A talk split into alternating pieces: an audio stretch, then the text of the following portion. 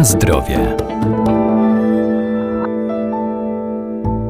Nawet najdroższa i najlepsza jakościowo żywność nie będzie trwała, jeżeli nie zapewnimy jej właściwych warunków przechowywania. To m.in. odpowiednie opakowania przeznaczone do przechowywania produktów spożywczych, jak i zalecana temperatura, miejsce i stosowna obróbka. A jak przechowywać tzw. Tak kiszonki?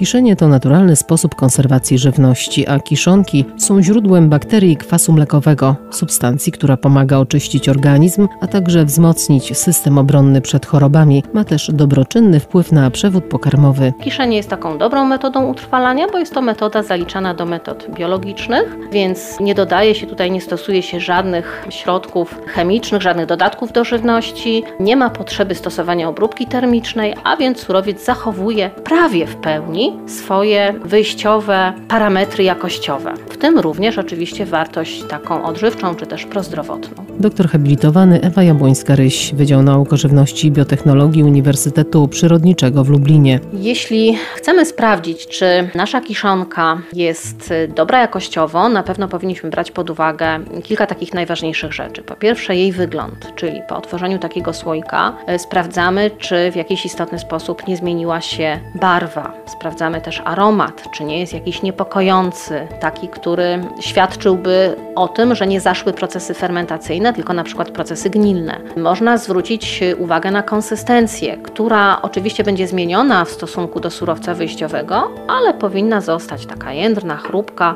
Nasz surowiec nie powinien ulec takiej całkowitej maceracji, więc jeśli będzie taki bardzo miękki, wręcz rozpadający się, to też y, możemy mieć y, podejrzenie, że nasza kiszonka gdzieś w międzyczasie się zepsuła, gdzieś e, inna grupa drobnoustrojów, być może drobnoustroje gnilne, rozwinęły się w trakcie procesu fermentacji. Jeśli mamy takie wątpliwości, na pewno nie warto takiej kiszonki próbować, przeznaczać do spożycia. Natomiast takim czynnikiem, który czasem nas niepokoi niesłusznie, jest chociażby obecność białego nalotu. Taki biały nalot na kiszonych ogórkach to po prostu są komórki bakterii mlekowych, które po przeprowadzonej fermentacji, w momencie kiedy to środowisko zrobiło się już mało przyjazne, bo jest za duża kwasowość, skończyły się składniki pokarmowe. One obumarły, opadły albo na dno opakowania, albo gdzieś na powierzchni naszych surowców. Więc to nie jest absolutnie, nie postrzega się tego jako, jako wadę, ani absolutnie jako żadne zagrożenie.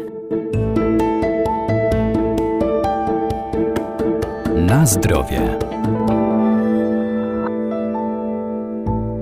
Także gazujące kiszone ogórki po otwarciu słoika nie muszą oznaczać niezdatnych do spożycia. Takim też elementem, który czasem nas zastanawia, jest fakt, że po odkręceniu takiego słoika, na przykład z kiszonymi ogórkami, mamy intensywnie wydobywający się ze środka gaz. Ten gaz to dwutlenek węgla i on ma prawo tam się znaleźć, dlatego że w czasie fermentacji mlekowej również pewne ilości tego gazu powstają, chociaż y, jeśli pojawią się oprócz samego gazowania jeszcze inne oznaki zepsucia, o których wcześniej mówiłam, to oczywiście takiego produktu y, nie należy spożywać, bo ten gaz może być produkowany również przez inne bakterie, nie tylko przez bakterie mlekowe. Jeśli chcemy się cieszyć kiszonkami przez dłuższy okres czasu, nie tylko na świeżo, y, to najlepiej przechowywać je w pomieszczeniu chłodnym. Dobrze, jeśli ktoś ma piwnicę, E, oczywiście w odpowiednich opakowaniach, e, czyli jeśli kisimy w coś w opakowaniach jednostkowych typu słoiki, to w tych słoikach przechowujemy. Jeśli kisimy w większych opakowaniach, jak na przykład beczki, tak jak kapusta,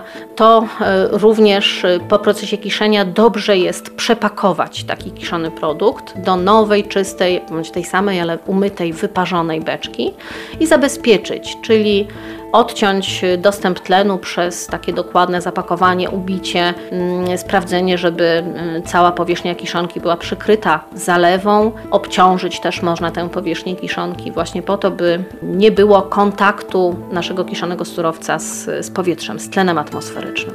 Żeby cały czas też w czasie przechowywania, nie tylko w czasie kiszenia, były te warunki beztlenowe. Więc temperatura, beztlenowe warunki, ograniczony dostęp światła i możemy się taką kiszonką wtedy cieszyć przez długie miesiące, do wiosny.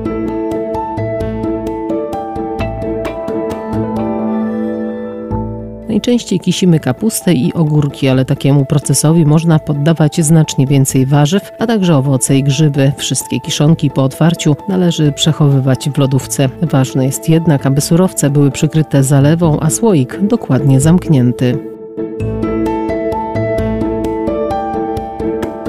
Na zdrowie.